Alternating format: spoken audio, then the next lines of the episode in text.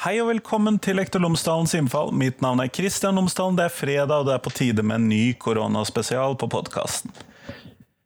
Denne koronaspesialen er gjort med Rita Helgesen, leder for Norsk Lektorlag. De har undersøkt med sine medlemmer hvordan det var for dem å drive med hjemmeskole i den perioden som var i vår.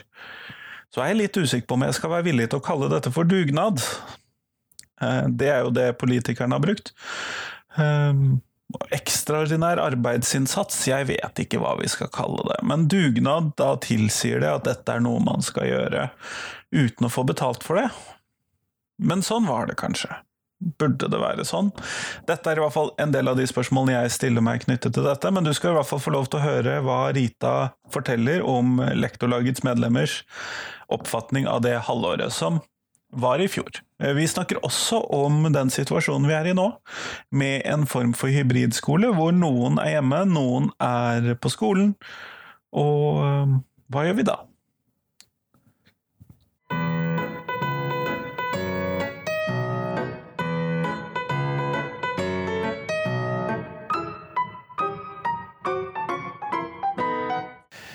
Rita Helgesen, tusen takk for at du har tatt deg tid til meg i dag. Bare hyggelig å få være med. Før vi starter selve intervjuet, så vil jeg gjerne at du skal fortelle lytteren min tre ting om deg selv, selv om du har vært med tidligere. Ja. Eh, jeg har undervist i videregående skole i 30 år. I fagene norsk og historie og samfunnsfag, men også hatt politisk idéhistorie og mediefag. Og så har jeg eh, vært aktiv i Norsk Lektorlag i over 15 år. Eh, begynte som eh, tillitsvalgt, og så ble jeg fylkesleder i Østfold.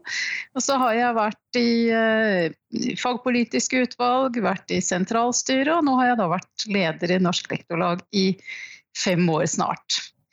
Den tredje tingen jeg tenkte jeg skulle si om meg selv, det er eh, relatert til det som vi skal snakke om i dag. Det som handler om arbeidstid og hvordan eh, forholdene er i dag. Og da tenkte jeg skulle fortelle at for 20 år siden så gikk jeg på en skikkelig smell i eh, skolen. Fordi at jeg rett og slett hadde jobbet for mye, og det ikke ble satt grenser verken fra min side eller fra skolens side. Så jeg har dessverre kjent på kroppen hva det vil si å jobbe for mye. Ja, og du har jo helt rett, for dette er jo helt i kjernen av det vi skal snakke om i dag. Fordi at uh, dere i Lektorlaget har gjort en undersøkelse av hvordan det var for deres medlemmer eh, å være med på den eh, arbeidsinnsatsen som krevdes nå i vår for å få Skole-Norge til å gå rundt. Og da lurer jeg på, Hva er det viktigste som dere har kommet fram til der? Hva vil du trekke fram? Eh, det aller viktigste var vel rett og slett at uh, våre medlemmer, over halvparten av dem, fortalte det at de jobbet veldig mye mer enn vanlig. Altså over halvparten jobbet mer enn syv timer ekstra i uka. Da. Og 20 eh, jobbet mer enn tolv timer ekstra i uka. Så det å drive digital undervisning og drive undervisning hjemmefra, det er rett og slett ekstremt arbeidskrevende. Det er kanskje det aller viktigste. Det var noen hjul som måtte finnes opp på nytt? det kan man trygt si. Og det var jo eh, mange grunner til det. ikke sant? Fordi at folk var jo ikke så godt forberedt heller. Og det var lite støtte å få eh, fra ledelsen også. Ja, Men når du da sier syv timer og tolv timer mer i uka, da da begynner vi å snakke ganske kraftig overtid, da. Ja, altså det er jo eh, For mange så var det en hel arbeidsdag ekstra i uka. Men de fikk jo ikke overtid, da. Eh, skal vi se, det var altså rett og slett eh, Skal vi se, nå skal jeg ta litt tall. det var sånn at 58% av skolene hadde rett og slett ingen som helst ordning for å kompensere for for bruk av eget utstyr. Og det var eh, heller ikke noen som fikk eh, betalt for overtid, eller rettere sagt det var 4% som fikk betalt for overtid. Sånn at eh, alt det ekstra som folk gjorde, det var bare forventet, og det var ingen grenser eller rammer rundt det. Nettopp, nettopp. Sånn at man måtte bruke sitt eget utstyr, man måtte bruke man måtte finne opp alt sammen på nytt og kunne ikke lene seg så mye tilbake på gamle ting i planleggingen, og man fikk heller ikke betalt for denne merarbeidet som ble gjort. Nemlig. Nemlig. For 4 det er, det er ganske lavt. Ja, det er veldig lavt. Eh, veldig, veldig lavt. Og så var det jo i tillegg til det, da, eh, at eh, folk jobbet mye mer, så var det jo også sånn at hvis de var syke, så jobbet jeg allikevel, fordi at det ble jo ikke satt inn vikar i altså halvparten av tilfellene da, hvor folk var syke, 53% så ble det ikke satt inn vikar. Og det var bare 21% som fikk vikar. Sånn at også de skal vi si, brøt sammen, da, og dersom de hadde sykt barn, så var det jo i hvert fall ikke snakk om å få vikar. Nettopp. Hva slags tilbakemeldinger har dere fått om uh, tilrettelegging i den typen uh, Fordi at Du sier at de ikke fikk vikar, men har, de, har medlemmene dine sagt noe om andre former for tilrettelegging i de situasjonene hvor hjemmesituasjonen gjorde det vanskelig å undervise? Ja, det var i svært liten grad tilrettelegging. Eh, for det, det, var jo mange vi har jo, Denne medlemsundersøkelsen hadde jo ganske mange sånne frie tekstsvar. Og det som gikk igjen fra veldig mange, det var jo at uh, de også hadde små barn hjemme. Og de hadde barn i skolealder. Og så skulle de både passe de små barna, følge opp barna som hadde hjemmeskole, samtidig som de skulle undervise egne elever.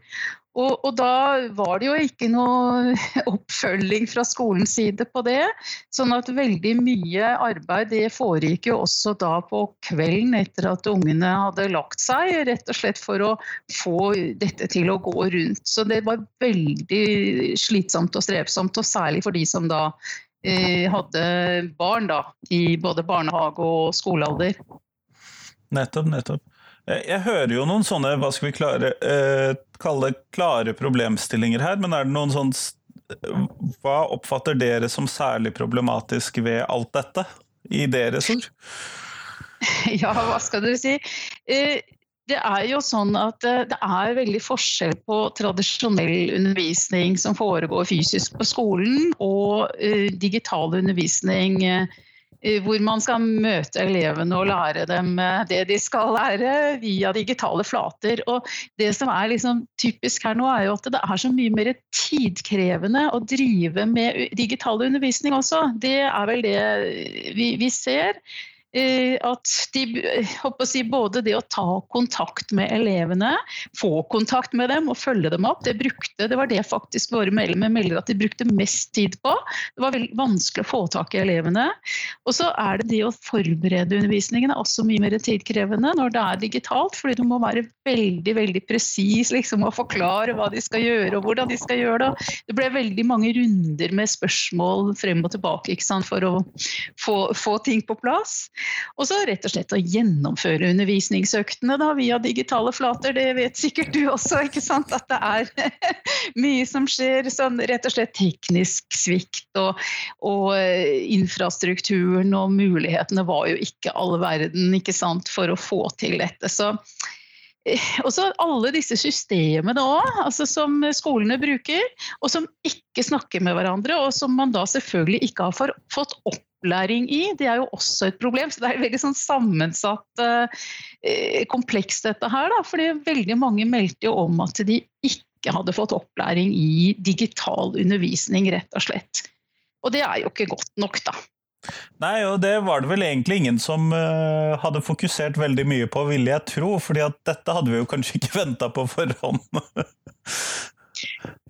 Nei da, vi hadde jo ikke det. Men eh, samtidig så liker man jo å smykke seg med at eh, Norge er kommet langt i digitalisering. Men for å si det litt stygt, så er det jo sånn at skoleeiere har jo vært mest opptatt av å skaffe duppeditter og PC-er, og i liten grad se på hvordan disse skal brukes på en hensiktsmessig og god måte.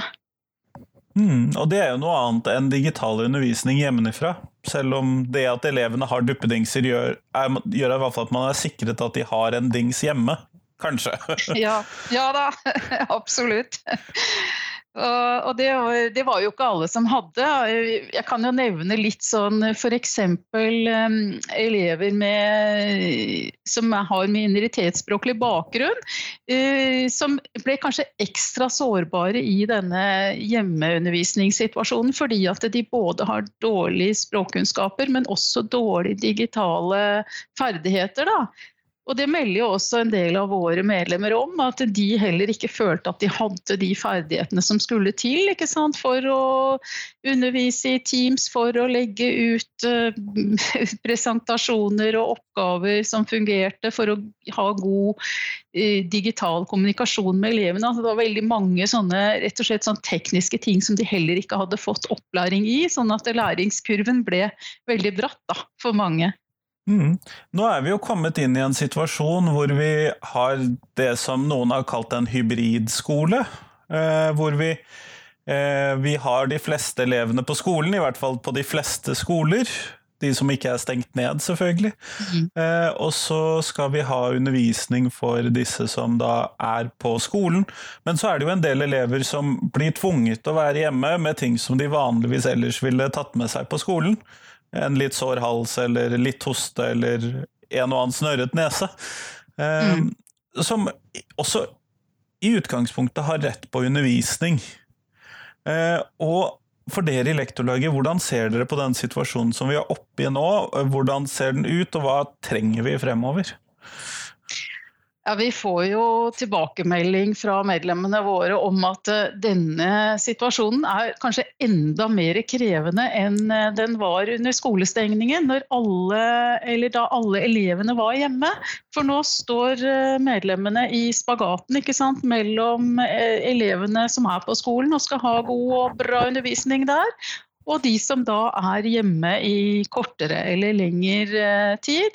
Fordi det er ikke noen klare rammer eller retningslinjer for å si, hva du skal gjøre, særlig med de som da er hjemme, når man skal sette i gang ekstra tiltak. Og det er en forventning der ute, både fra elevene, fra foreldrene deres og fra skolens ledelse mange steder også, på at her skal vi bare serve alle sammen. Og jobbe får ikke noe ekstra hjelp for å gjøre den jobben. Og folk er allerede slitne. Vi får ganske mange fortvilte situasjoner. Nei, fortvilte telefoner om at situasjonen er kjempekrevende. Og og selvfølgelig så får man jo ikke noe ekstra betalt for alt det merarbeidet det er å også følge opp de som er hjemme. Og vi vet ikke helt liksom, Er det etter tre dager? Er det etter en uke? Eh, når skal man da lage egne opplegg for de som er hjemme? Eh, eller skal man gjøre det? Altså En del eh, skoleledere sier jo det er jo bare å sette opp et kamera i klasserommet, så er problemet løst. Og det er det jo absolutt ikke. Så her er det veldig mye som er uavklart sett med, fra vårt ståsted. Ja, og det er jeg jo enig med deg i. fordi at eh, også bare det rent tekniske ved å bare sette opp et kamera, det løser ikke alle problemer. Nei, absolutt ikke. Det er ganske mye som ikke er løst i utgangspunktet. Altså, det er jo personvernrammene. Eh, altså, det må faktisk være samtykkeerklæringer fra alle elever og fra læreren. Og så handler det jo også om at det gjør noe med undervisningen i klasserommet dersom vi setter opp et kamera. Eh, vi er jo allerede dessverre kjent med at eh, det er mer og mer taust i klasserommene når det er vanlig undervisning, for elevene er så redd for at noen skal eh, teipe eller lagre noe de sier eller gjør, og legge det ut i sosiale medier. Sånn at jeg tror jo at den naturlige og gode dialogen som vi har i et vanlig klasserom, den kan bli skadelidende, og da, da kan vi rett og slett ikke ha denne filmingen. Og så er det jo sånn at når vi underviser, så driver vi jo ikke og foreleser. Det er i hvert fall liten grad av det. Altså, det er jo relativt greit, kanskje, å, å, filme. Men alt det andre, det er mye mer eh, problematisk. Og så er det jo et ekstra arbeid, det òg, da. Fordi at det er noe helt annet å, å filme enn å ha en, en vanlig eh, skal vi si, eh, klasseromssituasjon. Så også her ligger det merarbeid. Mm. Men eh, hva tenker dere at må på plass for at denne at vi lærerne skal kunne fikse denne hybridskolen, da. Eh, hvis vi skal tenke på ressurser, planer, eh, regler, mm. alle disse tingene. Ja. Ja, nei, altså det er jo sånn at Vi har jo etterlyst noen klarere retningslinjer fra nasjonalt hold. altså på hva er, Hvor mener eh, kunnskapsministeren og, og, departementet at lista skal ligge? Hvilke plikter har vi? Når skal vi gjøre hva? altså Hvor er, ligger lista? Og så er det jo skoleeier som da må sørge for å følge opp etter den lista som blir lagt fra nasjonalt hold. Og drøfte det på lokalt nivå. ikke sant, på Hvordan skal vi gjøre det på vår skole. Når setter vi inn en vikar? Eh, for det, for det, jeg, det er jo det vi trenger. For vi kan ikke strekke strikken så veldig mye lenger enn vi allerede gjør. sånn det må være tydelige rammer rundt det. Og så vet vi jo at det er ikke nødvendigvis bare vikar for undervisningens del, men mye handler jo også om å følge opp sårbare elever som forsvinner litt eh, ut. Og da er det jo andre grupper som også kan ta en del av den arbeidsbelastningen som nå har ligget på kontaktlærere i stor grad. For det meldte jo mange av medlemmene våre om at de brukte utrolig mye tid på rett og slett å, å ha kontakt med elevene, følge dem opp. Eh, og, og det er utrolig verdifullt, men svært tidkrevende.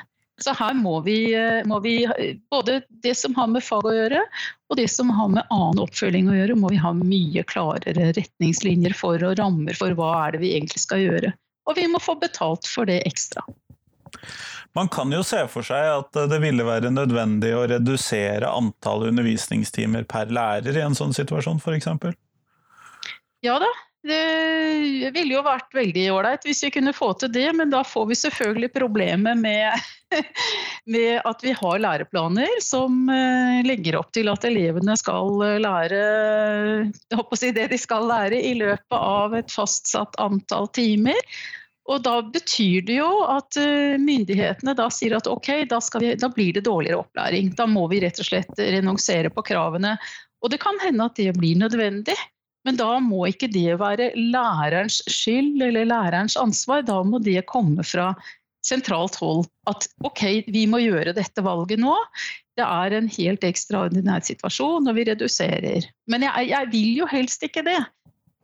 Nei, men det, det kan hende at det kan bli nødvendig. Ja, eh, men det jeg har sett eh, noen steder, er jo det at eh, selv om staten sier at vi skal ha hjemmekontor, bruke kollektiv så lite som mulig og en del slike eh, oppfordringer og eller til og med påbud noen steder, så eh, er det også enkelte lærere, eller rektorer, skoleledere, som sier det at man skal bruke eh, man skal være på kontoret i arbeidstiden i bunnen tid uansett. Hvilke tanker gjør dere dere om dette? Ja, Vi syns jo det er helt utrolig, for vi, vi, får jo også tilbakemelding fra våre medlemmer om at flere fylkeskommuner nå fra sentralt hold, altså f.eks. ledergruppa for kompetanse i Viken har bare sagt fra at hos oss i hele Viken så skal vi ha tilstedeværelse på skolen, sa tilsvarende i Møre og Romsdal. Det er jo veldig lite fleksibelt og veldig unødvendig i, i, en tid hvor vi nå faktisk har begynt å lære oss å ha digitale møter med kollegaene, og hvor vi kan forberede og drive med etterarbeid hvor som helst egentlig, og vi ikke nødvendigvis må være på skolen. Fordi vi får jo tilbakemelding om at arbeidsforholdene på mange skoler er veldig eh, lite smittevern eh, Eller de, de har dårlig smittevern, og, og, flere sier at det er ikke smittevern for lærere. Det er trangt i gangene, det er trangt på arbeidsrommene, vi har ikke møterom osv. Og, så og en arbeidsgiver som da tvinger sine ansatte til å være i en arbeidssituasjon hvor de kanskje utsettes for mer smitterisiko enn nødvendig, det er en arbeidsgiver som rett og slett ikke tar sine ansatte på alvor. Så vi er jo veldig skeptiske til den liksom, kategoriske kravet om at alle skal være til stede, uavhengig av de lokale forholdene som er, da. Ja, nei, for jeg vet jo det eh, at dette med arbeidsrom. Det er ikke alltid man har disse seks kvadratmeterne, eller hvor mye det er man skal ha. Langt unna på min eh, skole. Der, der, si, der, var vi jo ni stykker på eh, samme kontorplass som jeg har helt alene nå. Det er, altså, det er veldig vanlig. Det var ikke i nærheten av si, det kravet som egentlig ligger der. Og sånn er det veldig mange som har det. Men jeg hører jo det at det trengs veldig mye mer penger fra sentralt hold for å kunne drive den undervisningen som vi vanligvis skal drive i denne situasjonen. Da. Det er jo det jeg hører ut av en sånn lang summering ja. av det du sier. Mm. Ja da. Og, og, det er jo det vi har sagt også til eh, regjeringen, og det er et samlet Skole-Norge som sier det samme. Det er jo ikke bare Norsk Lektorlag som sier det. Alle i Skole-Norge som eh, skal løse disse krevende oppgavene, sier at her trengs det mer penger. Vi opplever jo at kommuner og fylkeskommuner har eh, veldig anstrengte budsjetter, skjærer ned og slår sammen klasser. Altså, vi har jo folk som har godt over 30 i klassene, elever i klassene sine. Og så skal man da få enda flere arbeidsoppgaver på toppen av dette. Det er klart det må koste penger. Men regjeringen eh, har eh, så langt kanskje ja, De sier at å, dere har fått penger, men vi i skolen vi merker i hvert fall ikke at de pengene kommer til oss. Og vi ser jo også nå i fagfornyelsen da, at det er jo veldig mange som ikke har fått læremidler til å sette i gang undervisning eh, med de nye læreplanene. Og det er jo også en del av hele greia. For det, ikke, det, handler jo ikke bare om korona, men det handler også om at vi står i, i startfasen på en ganske stor, store endringer da, i fagene. Og da trenger vi jo både digitale og si, tradisjonelle læremidler for at ikke arbeidsbelastningen skal bli enda større også fordi man mangler penger. da. Mm. Det er en sånn siste ting som jeg ville spørre deg om før vi går til avslutningsspørsmål, og det er fordi at jeg har tenkt en del på disse lærerne som selv tilhører risikogrupper. Eh, og så kan jeg jo se for meg, Dere har jo en del medlemmer også i ungdomsskolen, hvor det i større grad er tilsynsplikt med elever. I videregående så kan vi i større grad si det at denne læreren må være hjemme, så her er det Teams. Ta vare på dere selv. I mm, mellomtiden det mm. kan man i større grad si i videregående skole. Men i ungdomsskolen så må jo alle elevene passes på til enhver tid. Det må være en voksen og sånn. Og da lurer jeg på hvilke tilbakemeldinger får dere på de tilretteleggingene som gjøres for risikogruppetilhørende lærere i denne situasjonen? Så vi får tilbakemeldinger om at noen tilrettelegger godt. Noen får uh, jobbe hjemmefra fordi at de er i risikogruppe, og det lages ordninger med skal vi si, tilsyn i klasserommet, altså at det er noen der selv om læreren ikke er til stede i klasserommet. Mens andre presses i større grad til å ja, være på skolen mer enn det de syns er greit. Da. Og, og, så er det jo selvfølgelig ekstra vanskelig hvis man har noen i familien som er i risikogruppe. Da er jo eh, arbeidsgiver i liten grad villig til å tilrettelegge. Så, så mange melder jo fra om at dette her er veldig krevende. Da, at de er redde, de er bekymret. De føler at uh, situasjonen er veldig vanskelig og balanserer allerede litt sånn på grensen til å bare sykemelde seg. Og, og, da har vi et kjempeproblem hvis ikke vi greier å løse dette. Så jeg, jeg, vil jo oppfordre alle arbeidsgivere til å være så fleksible som mulig og tilrettelegge for uh, hvis vi presser for mye og presses for mye, så, uh, så, blir det bare et større problem, tror jeg. Mm, kjempeflott. Eh, nå har vi kommet til det siste spørsmålet mitt, og det har jo endret seg siden jeg intervjuet deg forrige gang, sånn at det passer jo fint. Eh, ja. Og det jeg lurer på er, hva er de tre viktigste tingene som skolen kan lære elevene? Ja, det syns jo det var et uh, godt og vanskelig spørsmål. Og jeg har jo selvfølgelig mye mer enn tre ting. Vi får se. Altså, jeg syns jo uh, det med kunnskaper i fag, det er helt elementært og nødvendig for skolen. Det er jo det skolen driver med. Og de kunnskapene trenger vi jo både til arbeidsliv, til videre utdanning og til samfunnslivet. Så det er jo liksom det helt grunnleggende, det med kunnskaper. Men så er det jo dette med dannelse og verdier, og ikke minst glede ved å lære. Det er liksom også noe som jeg mener er noe av det aller viktigste vi som jobber i skolen kan drive med. Da. Altså Som norsklærer, det ved gleden ved å lese gode tekster, se fine filmer, bilder. Det å mestre utfordringer og vokse som menneske, da.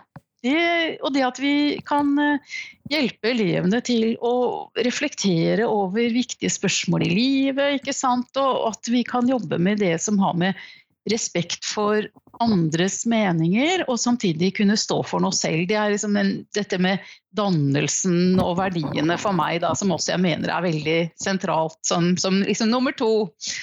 Og så nummer tre så er det jo rett og slett det at skolen er jo kanskje en av de aller siste arenaene nå hvor alle i samfunnet møtes, uansett eh, etnisk bakgrunn eller eh, religion eller ikke sant. Og da tror jeg det er også noe som skolen må ta vare på og, og virkelig passe på at vi nå får et åpent og inkluderende samfunn, og at vi som underviser i klasserommet også da Det har jo mye med det som jeg nevnte i sted, med verdiene å gjøre, og dannelsen.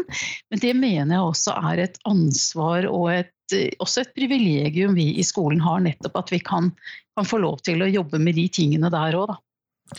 Kjempeflott. Tusen takk for at du tok deg tid til meg i dag, Grete. Ja, takk for at jeg fikk være med.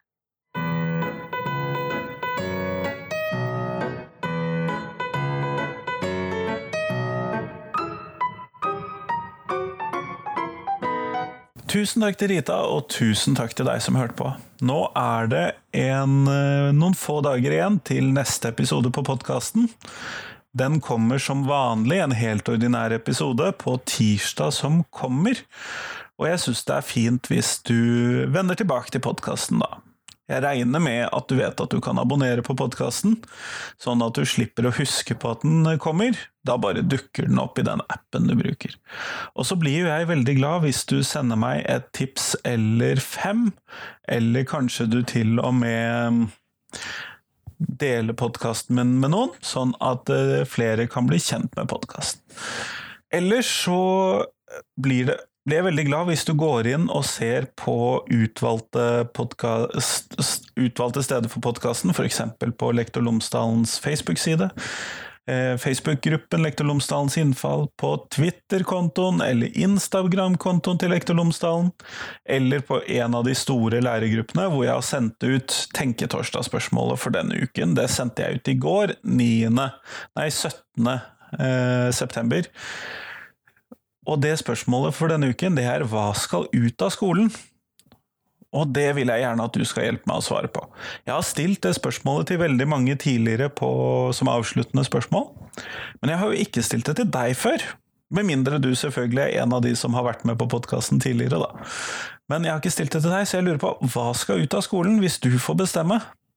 Fordi at vi kan ikke nødvendigvis bare putte alt inn, vi må også av og til ta noe ut. Så hva skal ut av skolen? Finn det på en av disse plattformene som jeg nevnte i stad. En av Facebook-gruppene, en av Facebook-sidene, eller på Twitter, Instagram, et eller annet, og svar på spørsmålet 'Hva skal ut av skolen?'